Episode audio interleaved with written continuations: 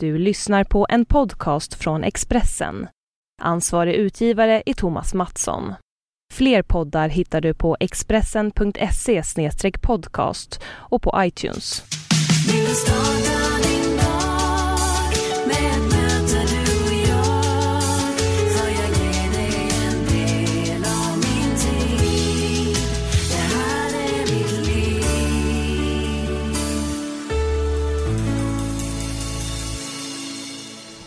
Vi har kommit fram till avsnitt 145 av Livshjulet. Jag heter Anna Hegerstrand och den här podcasten görs i samarbete med Expressen.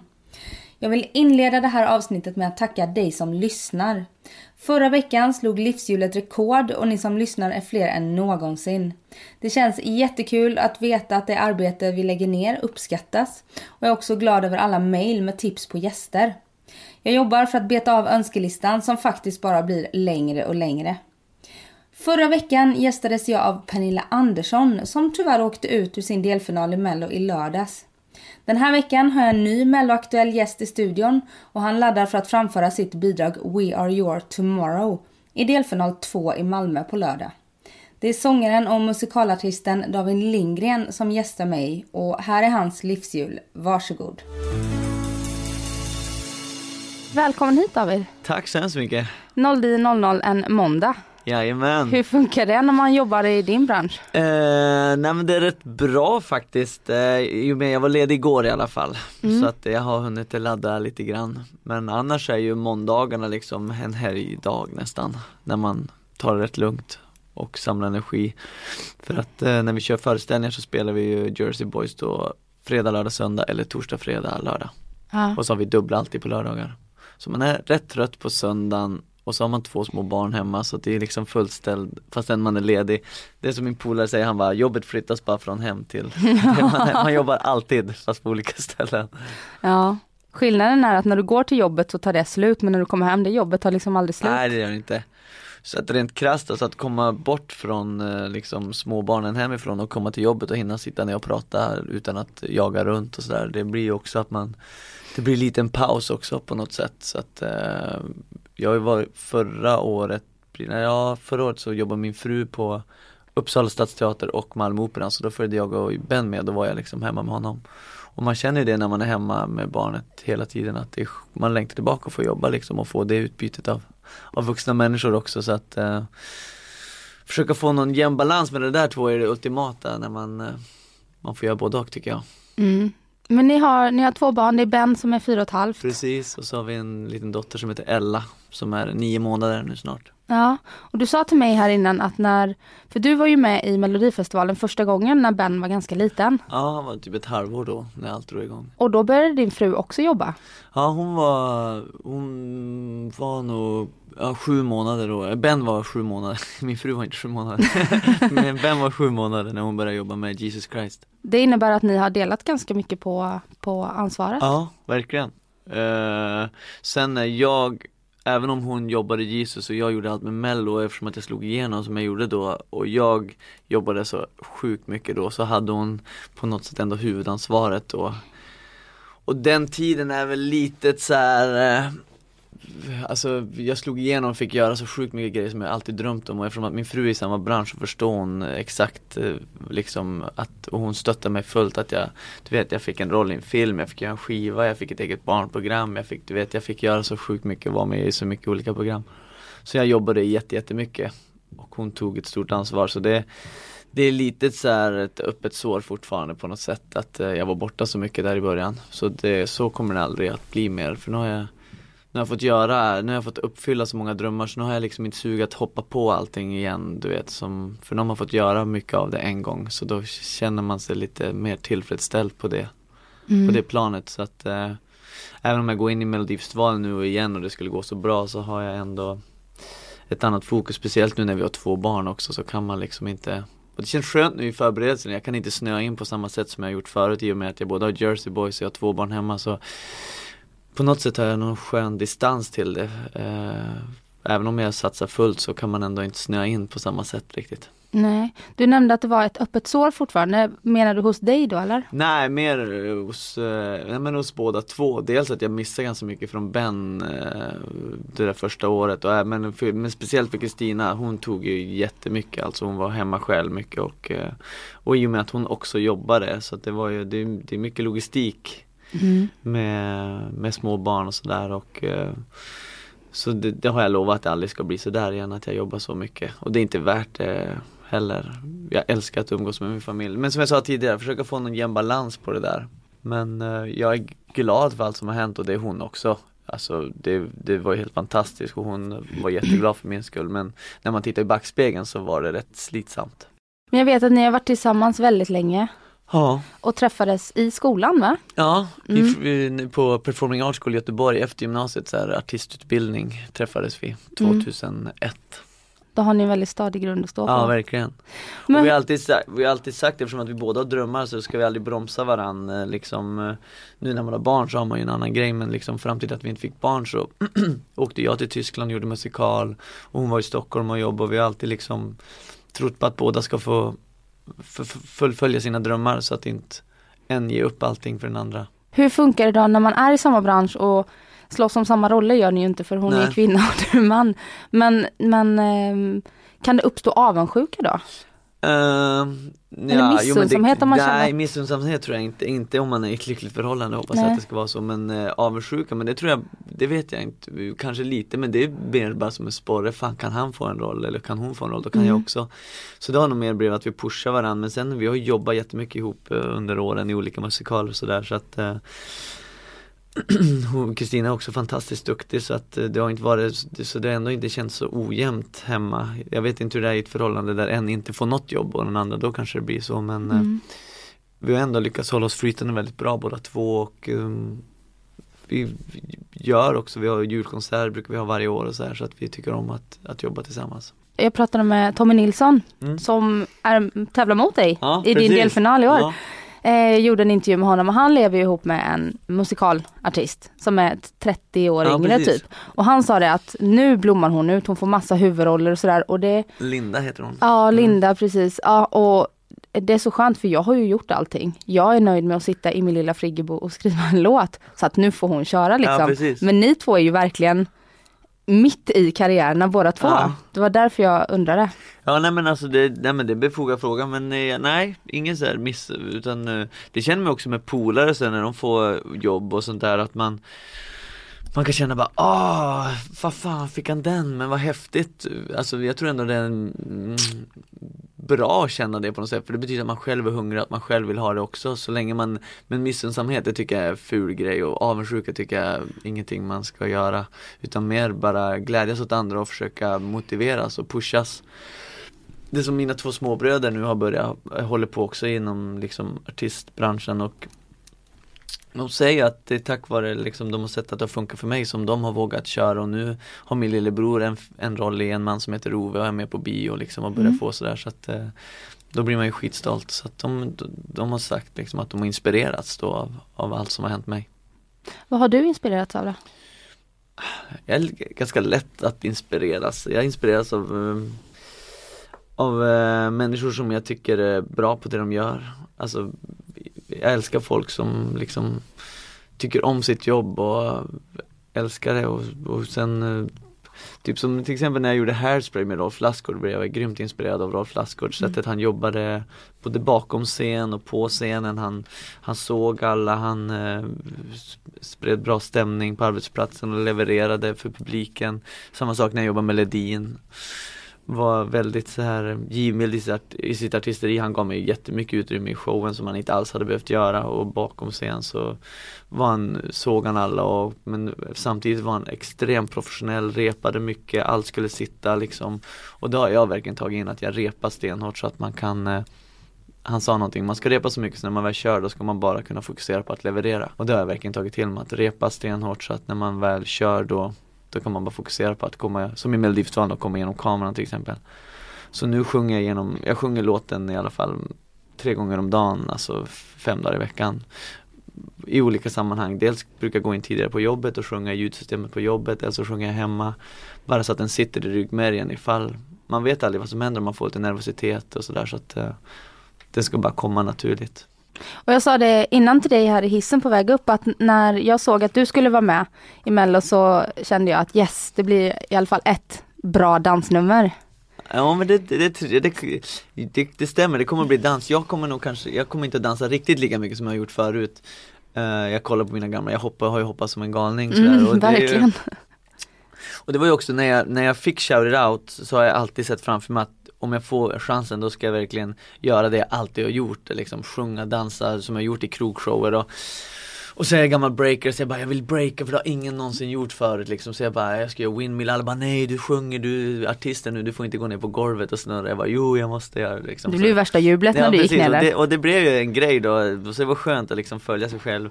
Och andra året då dansade jag ännu mer med Skyline, vi hoppade och vi kör så att eh, Och det, det, det är mycket det är det jag liksom är sammankopplat med dansen. Folk säger framförallt åh du är så bra på att dansa. Det är inte så ofta de säger du är så bra på att sjunga utan det är mest såhär, du är bra på att dansa. Så eh, det är verkligen det som är mitt varumärke så att jag kommer fortsätta dansa men den här låten bjuder in, speciellt i verserna, att, att skala ner det så att Förhoppningsvis kanske någon som nu kommer och säger vad duktig du är på att sjunga. Ja. Men eh, så det är roligt att kunna, och texten är väldigt berättande på ett annat sätt i den här låten så att och det, jag känner också, jag kommer tillbaka tredje gången, man kan inte bara göra exakt samma sak hela tiden utan man måste utveckla sig själv. Jag tycker den här låten har jag har utvecklat ganska mycket från det jag gjort tidigare. Jag tycker det känns lite mognare, lite coolare på något sätt liksom soundet. Eh, sen har ju den musikstilen jag gör har ju utvecklats också, det är fyra år sedan liksom jag var med så att med Shout It Out. Eh, och, eh, men sen kommer jag, jag har med mig sex dansare Mm. så de kommer ju få jobba eh, och eh, sen i refrängen så kommer jag haka på i slutet också och köra liksom. Eh, så det kommer att bli show. Och låten heter We Are Your Tomorrow. Exakt. Ja. Och vad, vad, vad står det för eller vad handlar den om? Eh, folk får väl ta sin egen bild men för, det, för mig handlar det verkligen om det som händer liksom i världen just nu att det är så mycket Det händer mycket skit runt om i världen och att det är upp till oss att eh, börja ta hand om varandra och ta hand om sina medmänniskor så att vi får ett, en, en bättre värld.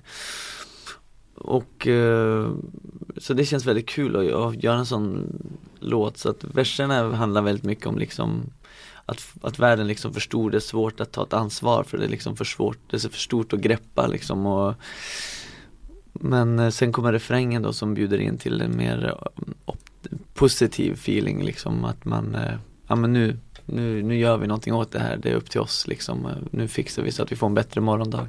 Känns väldigt aktuellt. Ja det gör det verkligen det, så att det, det kändes, när jag fick låten kände jag direkt bara yes, det här vill jag göra och så få en snygg prodd till det och ett snyggt nummer så tror jag att det kan eh, Ja det känns bra i magen. Och du har ju gått båda gångerna, för du var med 2012 och 2013 Mm. och du gick till final direkt Ja. båda gångerna. Mm. Vilket var lite av en skräll första Ja, gången för du, du kom ju från ingenstans Ja. liksom så. Eh, Ja, det är det du, häftigaste nog artistiska minnet jag har i mitt liv som jag nog kommer att ta med mig resten av livet också. När jag satt i, Glob, eh, i Skandinavium i Göteborg. Det var jag och Thomas Di Leva kvar och så en skulle åka ut och en gick direkt till final. Och hör du hela Skandinavien börja skandera David, David. Det var liksom, det är det sjukaste jag varit med om. ja och du var men ja, alltså han är ju Thomas Di Leva. Så att, eh, nej, och Fernando Fuentes som skrev låten, vi gör ju Jersey Boys ihop tillsammans nu och vi pratar fortfarande om det lite då och då, att det var sånt där Mm. häftigt för uppleva det med, sina vänner också. Min fru hade gjort kläderna som stod bakom och bara grät och du vet vad Ja. så. Det var en once in a life, det var häftigt. Har det satt någon press för i år? Så här, tredje gången gilt?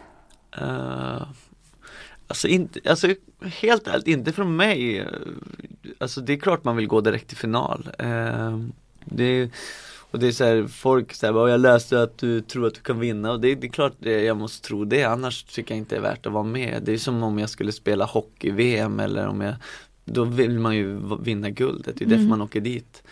Eh, Men sen är ju musiktävling är ju tyvärr inte så konkret som hockey att gör du mest mål så vinner du utan här som liksom förra året till exempel då med Måns Zelmerlöw och Hero så var det liksom låten Måns, han hade en story liksom eh, att eh, han tog det med Heroes och allt det där. Det var liksom rätt timing på allting. Och det var Måns. Och det var Måns och du vet, så att det, det är så mycket som ska tajmas in. Det var samma sak när, Loreen kom tycker jag, då allting klickade liksom. Eh, så jag tycker själv att min låt förtjänar att vara i toppen, för jag tycker det är en riktigt stark låt. Men sen i slutändan där, vem som verkligen vinner, det då handlar det inte, nästan inte bara om låten utan det handlar om att det är rätt artist på rätt tillfälle och att publiken bestämmer sig för att ja, honom tar vi till oss och att media, ni liksom skriver om det på rätt sätt, du vet. Så att allting, det är så mycket faktorer som ska in där i slutändan i musiktävling så här. Så man Men- tävlar ju egentligen inte i musik utan man tävlar i popularitet. Lite som Alltså- Lucia i skolan. Ja, grejen, ja alltså, del, alltså det är så här, om du har ett känt namn och inte en jättebra låt så har du större chans att ta det vidare än om du är okänd och inte har en så jättebra låt. Men har du en bra låt så spelar det ju ingen roll, uppenbarligen som 2012 när jag var med med Shout It Out. Jag var helt okänd, ingen hade tippat på mig, men så var låten så sjukt bra och då gick jag till final. Så Folk säger, ja du har startnummer 6, det kommer aldrig att gå. Men du vet så här, va? Jag hade det och ingen visste vem jag var, jag gick direkt till final.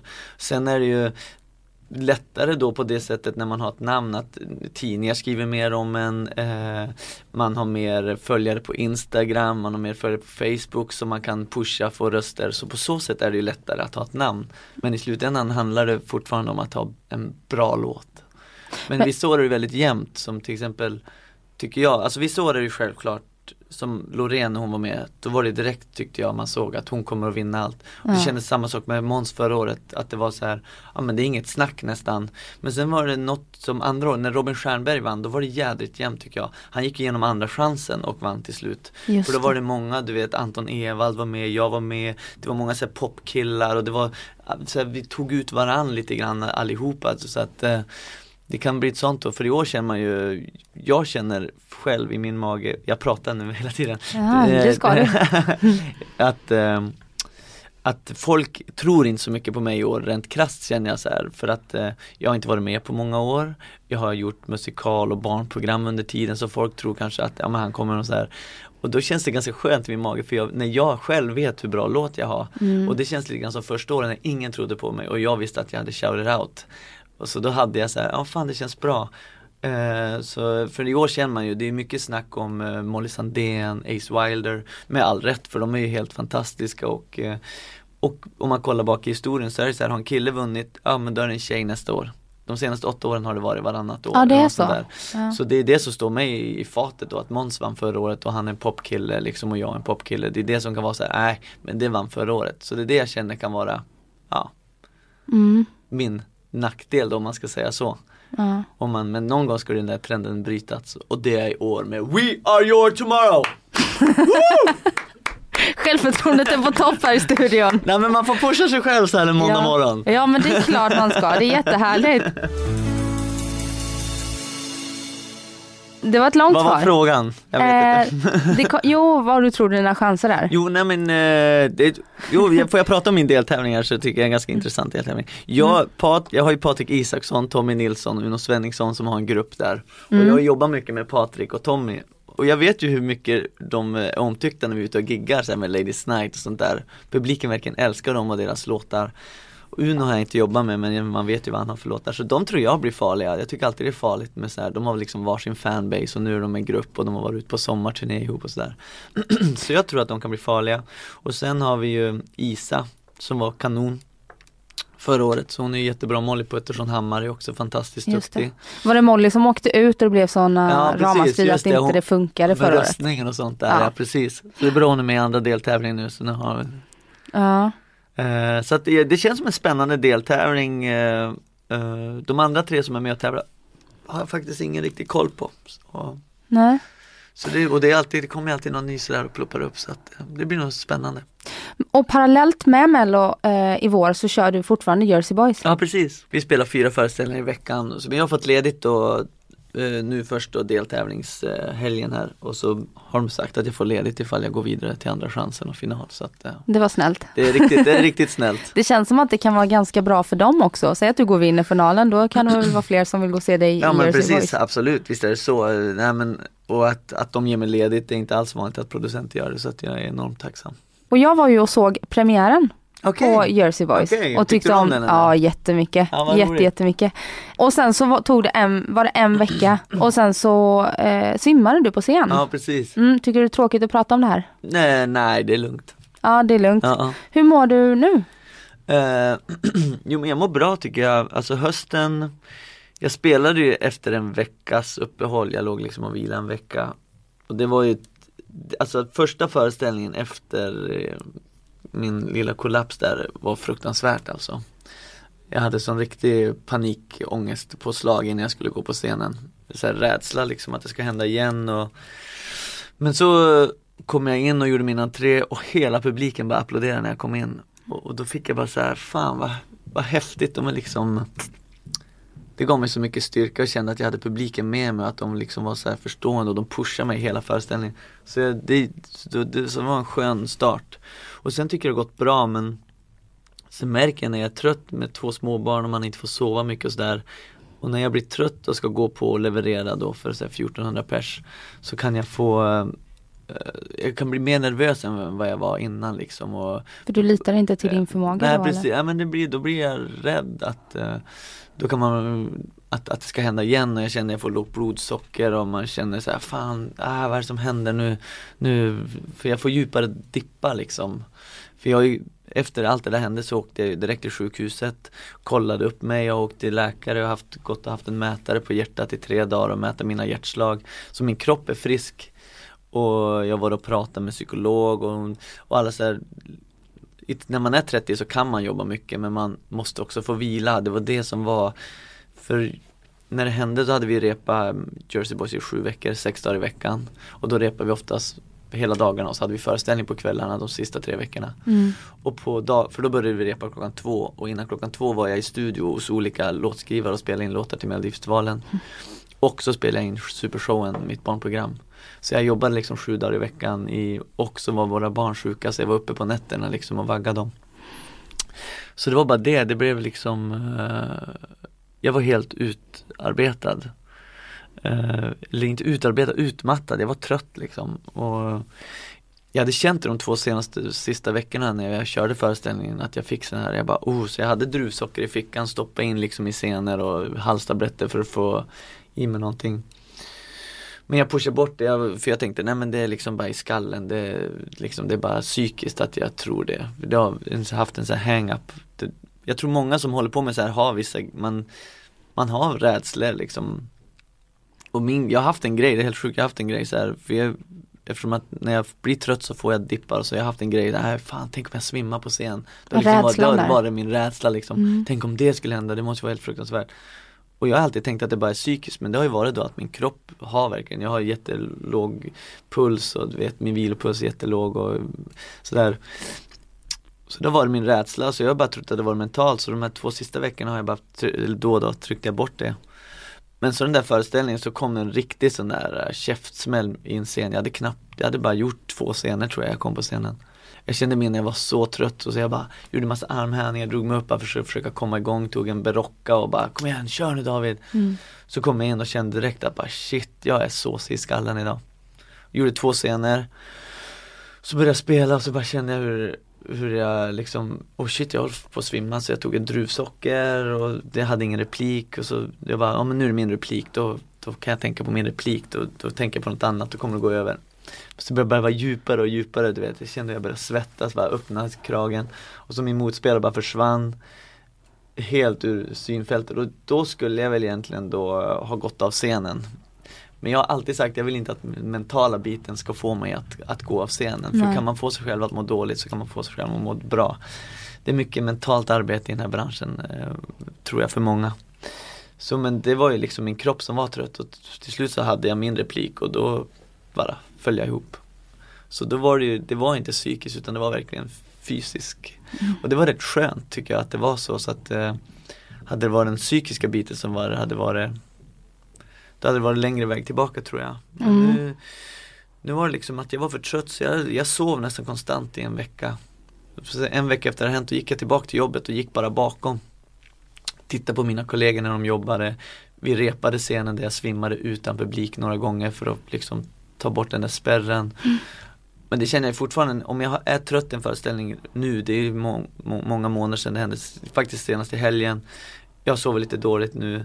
Då kommer den här scenen så kan jag fortfarande få liksom så här, shit det var här det hände liksom, det var här jag svimmade. Sån där hjärnarbete liksom. Men det är sånt man ska ta sig igenom bara och jag tror att allt som händer gör att man blir Jag utvecklas som människa, jag utvecklas som artist och eh, Jag har fantastiska kollegor och vänner på jobbet som har hjälpt mig igenom det här och eh, Jag tror att i slutändan kommer det att göra att jag blir ännu, ännu bättre på mitt jobb. Eh, för jag har blivit bättre på att ta hand om mig själv nu.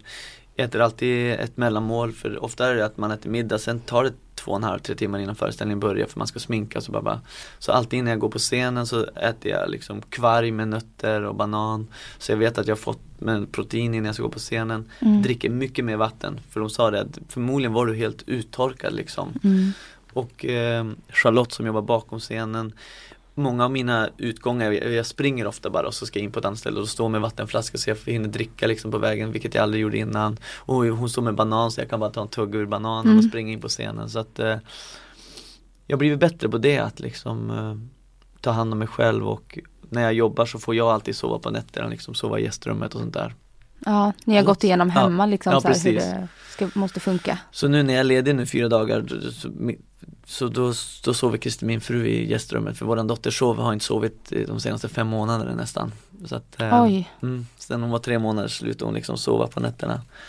Så att eh, när jag är ledig då sover hon i gästrummet så nu tar jag nätterna. Så man, men det vet man ju att eh, det går över. Ja, det är gång. en period Det är en som går period. över. ja. Så att eh, så vi har blivit bättre på det och inser att ja, men vi får inte dela säng på ett tag. Vi får göra det sen. Ja, Det är lite sorgligt men den som väntar på något den gott. som väntar på något gott och eh, ja, men jag tror det, man lär sig någonting av allting och eh, det är också, ja så är det liksom i den här branschen. Så jag tror när man, man ska prestera och man ska ge mycket av sig själv, det tar också mycket på krafterna liksom eh, mer än vad man tror att, att om man älskar sitt jobb och ger mycket av sig själv när man står på scen, vilket jag alltid gör, så tömmer man också. Det känner man, det känner jag efter en arbetshelg liksom att jag är tröttare nu än vad jag var förut. Så att jag vet inte om det är lite efterskalv sådär. Det tar mer kraft på mig att jobba tre timmar nu än när man är liksom top of the game. Om Ja. du förstår vad jag menar. Ja. Ehm, har du tagit någon hjälp för att komma tillbaka? Går du och pratar liksom med någon? Ja, grejen, Liksom alltså, jag hade, jag vägledare hade en eller så? grej när jag gjorde, alltså eh, Får tänka, när jag flyttade till Tyskland och gjorde Mamma Mia då hade jag en riktig så här, jag tror jag var 26-27, då hade jag en riktig så här dipp Rent mentalt hade mycket så här panikångest och ångestattacker och sådär och så Och då tog jag inte tag i det utan jag bara, nej men det är ingen fara så här. Men sen kom den tillbaka när jag gjorde Hairspray på Kina teatern Och då var det verkligen så här då fick jag, byggde jag nästan upp en scenskräck vilket är helt konstigt för jag alltid älskar att stå på scen. Det var liksom så här, åh nej nu börjar arbetsveckan, då kunde jag liksom ligga och gråta en hel torsdag liksom för jag skulle jobba en helg. Och då, då kände jag det här funkar liksom inte, ska jag göra det här resten av mitt liv? Jag, kommer inte, jag kan inte liksom Jag kan inte inte trivas på scenen för då orkar man inte jobba med det här, man måste liksom älska det Även om det är tungt ibland men man grundkärleken måste ändå finnas där om man ska orka annars kan man ta ett liksom vanligt jobb. För man orkar liksom inte ge så mycket av sig själv om man inte trivs. Nej, och så hade du väl landat typ huvudrollen och liksom Ja. så din stora dröm. Precis, ja precis. Och det är det som är så när man För man har jobbat för någonting och så bara är det inte som man trodde eller jag vet inte. Men det, det var bara, det blev bara konstigt. Så då, då Sökte jag hjälp hos en kognitiv terapeut. Och eh, pratade mycket med henne, fick verktyg liksom att, eh, att eh, ja, men ta sig ur sådana här dippar mentalt liksom. Och eh, gick hos henne ganska mycket och pratade. Och efter det så gjorde jag eh, Singin' in the Rain på Malmöoperan och hade en ensembleroll, jag hade liksom inget ansvar egentligen inför föreställningen, vilket var det bästa som kunde hända mig. Jag fick liksom tillbaka glädjen, jag kunde latch, börja latcha igen på scenen och jag, för jag kände att det var, jag, vet, jag tror jag behövde det, känna att inte alla blickar var på mig och det var inte upp till mig liksom, utan jag fick bara vara i bakgrunden och hitta tillbaka till glädjen på scenen igen. Så det var jättebra. så nu direkt det här hände så ringde jag henne igen och gick och pratade med henne två gånger. Bara för att liksom få en påminnelse igen och eh, det har hjälpt mig jättemycket verkligen. Mm. Var kommer de, här panikångestattackerna ifrån och sådär? Kan du Jag vet inte, härleda jag det tillbaka? nej, jag, nej. Alltså jag tror också det är så här prestationsångest tror jag liksom. Eh, hon sa det, du måste liksom tänka David att, att eh, eh, man kan inte, du kan inte liksom ha fem föreställningar i veckan och ge 110% varenda gång. För man orkar liksom, det funkar liksom inte att tänka att ja men 70% är good enough. Så du brukar säga till mig liksom, det är good enough så att eh, och Det roliga är att när jag, när jag, när jag liksom, för jag kan lätt bli att jag, ah, det ska vara, det, varenda show måste vara det bästa jag någonsin har gjort. Det här ska liksom, jag vill så mycket fortfarande, jag är så hungrig och älskar mitt jobb så att jag kanske överpresterar liksom och då blir det att man blockerar sig själv till exempel som eh, man kan se ja, juniorkronorna liksom när det börjar gälla liksom i hockey då, då håller de klubban för hårt och de passningarna går inte fram. Jag tror det är det som har hänt mig att som nu fick jag Jersey Boys, det är en dröm för mig, jag jobbar med mina polare, det är en stor roll och vi har fått Och så blir det liksom att jag vill för mycket så jag liksom krampar mig själv och liksom glömmer andas på scenen och glömmer, glömmer njuta, glömmer latcha, glömmer kolla på mina polare, glömmer ta in och du vet så här. Så efter det hände och jag började tänka, "Ja, men släpp bara alla krav och bara kör dina repliker, tänk att det är good enough. Så alla efteråt bara, fan, det känns du blir mycket bättre skådis, har mycket bättre tal. Du vet så här, så att det känns verkligen som att det har hjälpt mig att bli ännu bättre och eh, våga, våga slappna av så att man inte alltid ska ge allt hela tiden. Och kanske att inte ta sig själv och det man gör på för stort allvar. Exakt, det är det handlar om, verkligen. Det är liksom inte hjärnkirurgi utan det handlar om att underhålla människor och Men jag kan ändå förstå för det är en tuff bransch.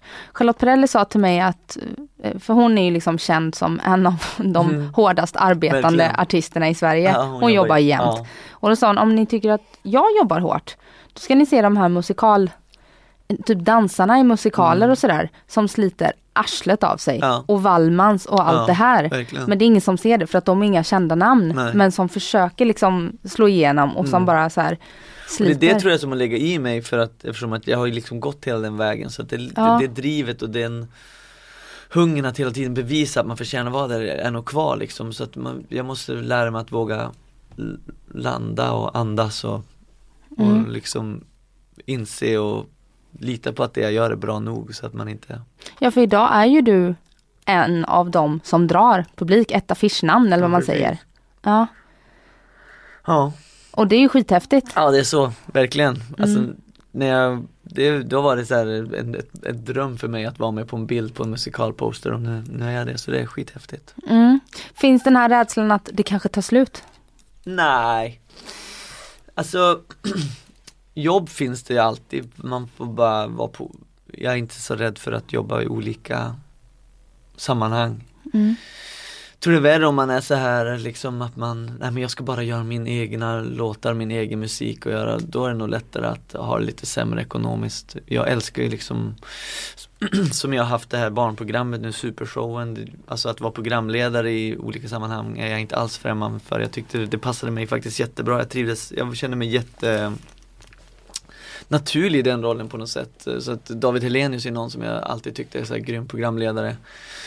Han är skön, han har programkortet men han ändå improviserar mycket och tar in, så han har jag alltid inspirerats av inom, inom programledargrejen. Och sen, eh, jag har gjort en film på bio, Hallå hallå, där jag hade en liten biroll och det är också någonting jag känner att jag skulle vilja testa mer, filma mer filmer. Sen har jag alltid musikal som är liksom, som jag fortfarande ser som mitt jobb. Och den här eh, artistgrejen är liksom en bonus, som en barndomsdröm som jag får liksom vara inne och hälsa på i och det känns helt häftigt att jag får göra, spela in skivor, jag får spela in låtar. Så det, det, ja, jag trivs eh, jättebra och skulle liksom något av det ta slut så hoppas jag att det något annat dyker upp annars får jag bli snickare eller någonting. Mm. Ja, du har verkligen spritt dina ägg i olika korgar. Ja, och det måste jag väl lära mig kanske också, det känner jag väl nu liksom eh, när jag går in i mello igen att jag Nu satsar jag fullt på liksom, nu är det klart jag gör Jersey Boys hela våren men sen så liksom att jag måste lära mig kanske att inte vara överallt hela tiden utan kanske Ja, Våga säga nej. våga säga nej ja, precis. Men är man- inte det en frilansers dilemma? Jo, Man tackar inte verkligen. nej till jobb. Nej, det är så.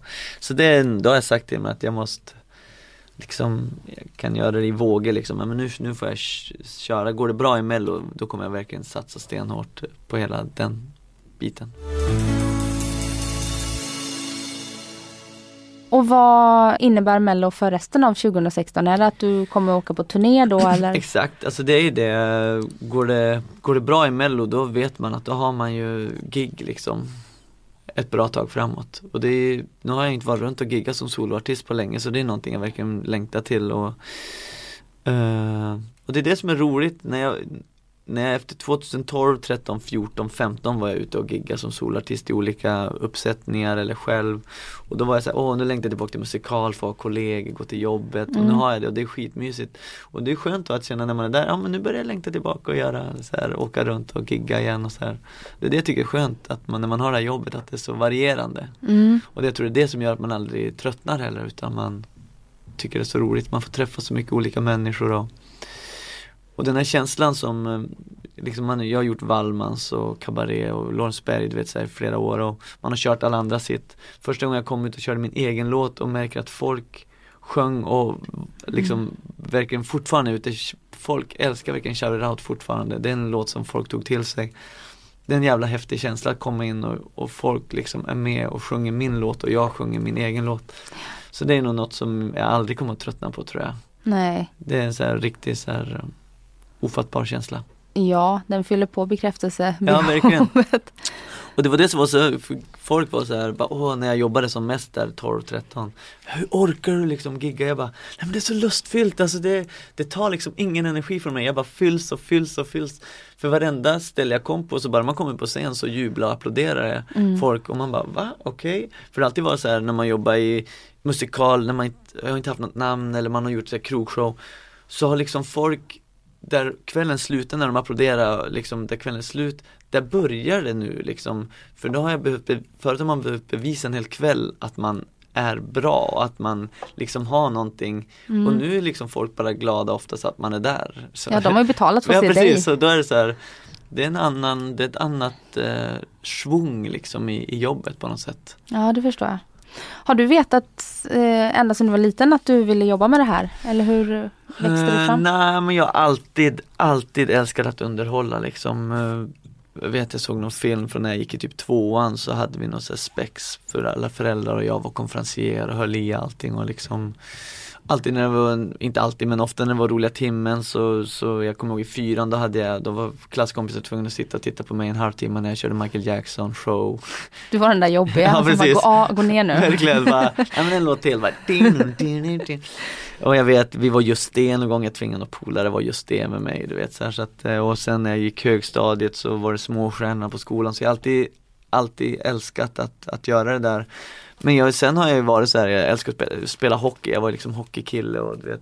Just det, Jag för du är uppvuxen från uppe i Ersmark uppe i Norrland så att Skellefteå, Precis. Hockeystan.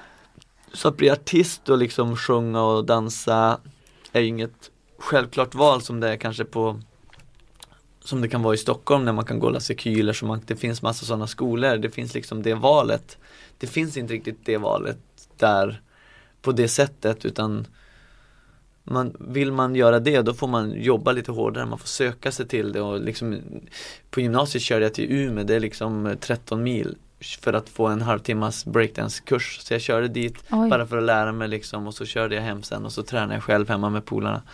Så att man, eh, så det är en annan, för där är det, där finns det ju en hockeyplan i varenda lekpark och eh, det är så inpräntat och jag älskar hockey fortfarande och det, det var det bästa. Jag tror att det är grymt att hålla på med en lagsport som barn. Man, man lär sig att jobba tillsammans i en grupp, man lyssnar på äldre, man har respekt för de som man ska ha det för och så här. Så det, det, det är jag jätteglad för att jag har gjort. För det kan man känna med de som har börjat när de är jättesmå med sjunga och dansa att de kan känna sig lite nöjda när de kommer upp i vuxen ålder. De har fått liksom gjort ganska mycket. Jag tror att man jag började ju rätt sent. Jag bestämde mig i, när jag sökte gymnasiet, då bestämde jag mig. För jag hade tänkt söka barn och fritid eller någonting så här inom situationstecken då lätt då för att då ska jag kunna spela hockey. Mm. Men så sa min svenska fröken, hon bara, ska du inte söka teater? Jag bara, nej. Hon bara, jo men ska du inte åka och hälsa på? Du får ledigt en dag om du åker och hälsa på. Så gjorde jag det och kände bara, shit. Här skulle jag trivas jättebra. För jag alltid när vi skulle redovisa så redovisade jag alltid muntligt. Jag hade alltid Mm. någon sketch framme vid tavlan eller någonting. Så det är tack vare henne att jag gjorde det. Eh, Maggan. Ja, tack Eh, Maggan. Ja, verkligen. Så att, eh, ja. Då bestämde jag mig i gymnasiet och då, det var då jag började, då gick jag till arbetsförmedlingen en dag och så här, kolla vad kan jag göra liksom. Skådespelare var ju så här, ja men det kan jag bli. Men då hittade jag då den här Performing Arts School som var en musikalutbildning och då blev det, blev det ganska konkret så här, bara, ja men det finns jobb för att bli så här, ja jag ska bli popartist, det är väldigt diffust, eller Ja. du vet det kan ju bara skita sig totalt men musikalartist då får man ändå, då får jag jobba med det jag älskar, jag får sjunga, dansa och agera. Så jag bara, men det är det, det, jag hade aldrig sett en musikal utan jag bara, men det ska jag liksom Oj. göra. Jag hade hört Fantomen på Operan sådär men jag hade aldrig sett någonting så jag bara, men det här låter som det passar mig. Så då sökte jag in till den där skolan, när man väl började på den där skolan då kunde man ju snöa in totalt på det där med musikal. Och då kände jag, ja men det här är verkligen rätt så men hela tiden har det ju funnits där i bak. Jag har alltid lyssnat på Justin Timberlake, alltid lyssnat på, på, på, på Michael Jackson, på pojkband. Så jag har ju alltid varit känd bland alla mina vänner så här, som popkillen liksom. Det är Ja. alltid, alltid när de driver med mig så här liksom "Hey." så, här. så alla säger Åh äntligen får du uppleva din, leva din dröm David nu när jag eh, När jag fick vara med i Melodifestivalen först alla bara Ja äntligen är du på rätt plats sa Ja. Så, här, så att eh, Ja så hela det här att få göra den här popgrejen är verkligen en barndomsdröm från det att jag hade en Jocke som det blir block på väggarna hemma. Och idag så bor du med din familj eh, utanför Stockholm. Ja, för ett Eh, år sedan typ så flyttade vi ut till Värmdö. och Och det är de hus. bästa besluten. Ja, hus, ja. Jag är uppvuxen själv i hus och vi bodde i, vi bodde i Västertorp förut eh, i en lägenhet. Så gick jag där och så såg jag de här barnen hänga på tunnelbanan och jag bara kände, hela min mage bara knöt sig. Jag bara, jag vill inte att, min, jag vill inte att Ben ska ha den uppväxten. Jag vill försöka kunna ge honom den som jag fick själv när man kunde spela landhockey ute på gatorna och eh, Mm. ta bort honom från storstan. Eh, det, nog, det passar nog för jättemånga människor att växa upp inne i stan men för mig var det, har det aldrig känts rätt att växa, liksom bo inne i stan så. Så jag, jag har alltid velat flytta utanför stan. Min fru hon är uppvuxen i Göteborg, hon är lite mer så här, men eh, så hittade vi det här stället och, och hon eh, trivs jättebra också. Så vi trivs eh, skitbra där ute på landet. Det är verkligen ute på landet. Ja, så, det är det. Ja. Så Det alla, all, all, alla har brevlådorna på samma ställe så man får gå och liksom hämta posten och vi har havsutsikt och vi har en stor trädgård, vi kan ha studsmatta, jag har byggt en gungställning och Ja men för mig passar det, det, det är liksom Jag får den där biten av Norrland som jag har saknat in i stan. Och det för mig Både jag och min fru jobbar med det här och man träffar så mycket människor, det är så mycket fart hela tiden. Och att få komma ut dit, det är helt tyst. Man kommer hem efter en föreställning klockan 12 på kvällen, det är bara helt stjärnklart och helt tyst och luften är så fantastisk. Så eh, det, har jag, det beslutet har jag inte ångrat en sekund alltså. Nej, de kontrasterna. Nej det är för, verkligen det som gör att man, jag orkar mycket också tror jag. Det är så skönt där ute och jag älskar ju så här och Som när vi, köpte det här huset så byggde jag en eh, altan och jag, jag tycker om att bygga grejer och liksom Snickra och fixa. Ja, det är väl lite kriteriet för att ha hus känner jag. Det ska vara lite Ja, men händig. lite. Ja, men det, och nu när det är snö, man är ute och åker pulka, du vet när vi bodde i lägenhet så bodde vi på fjärde våningen allt var ett sånt projekt, du vet, man gick ut och skulle man packa matsäck och man skulle packa och man skulle bara så det tog liksom Så efter middagen orkar man aldrig gå ut utan då blir det att man sitter inne, men nu kan man käka middag. Och så bara, ah, ska vi gå ut? Ja vi går ut, så åkte man, går vi ut och åker lite pulka innan man ska gå och lägga sig liksom. Så att det som småbarnsförälder är det ju mycket smidigare liksom, så jag är grymt tacksam att vi kan bo i hus. Mm. Och då måste jag fråga, nu vet jag att eh, du har en dotter som inte har sovit på fem månader. Mm. Men skulle du vilja ha fler barn? Jag vet att du är uppvuxen i en stor familj. Ja, vi är sex syskon.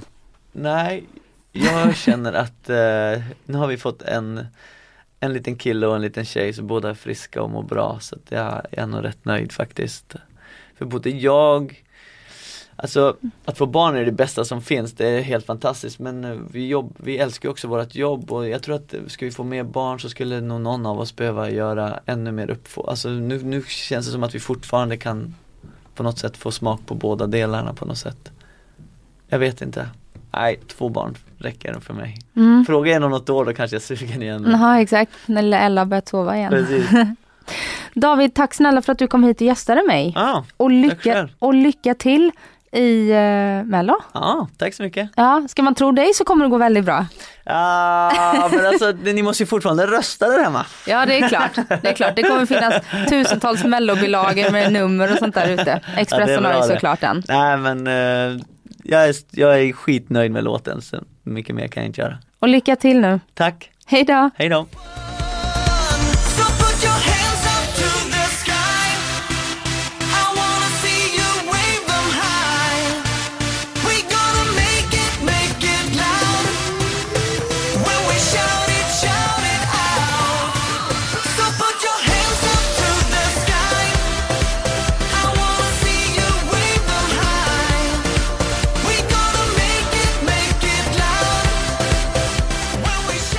Du har lyssnat på en podcast från Expressen. Ansvarig utgivare är Thomas Mattsson. Fler poddar hittar du på expressen.se podcast och på iTunes. Snart startar vår stora färgfest med fantastiska erbjudanden för dig som ska måla om. Kom in så förverkligar vi ditt projekt på Nordsjö Idé och Design.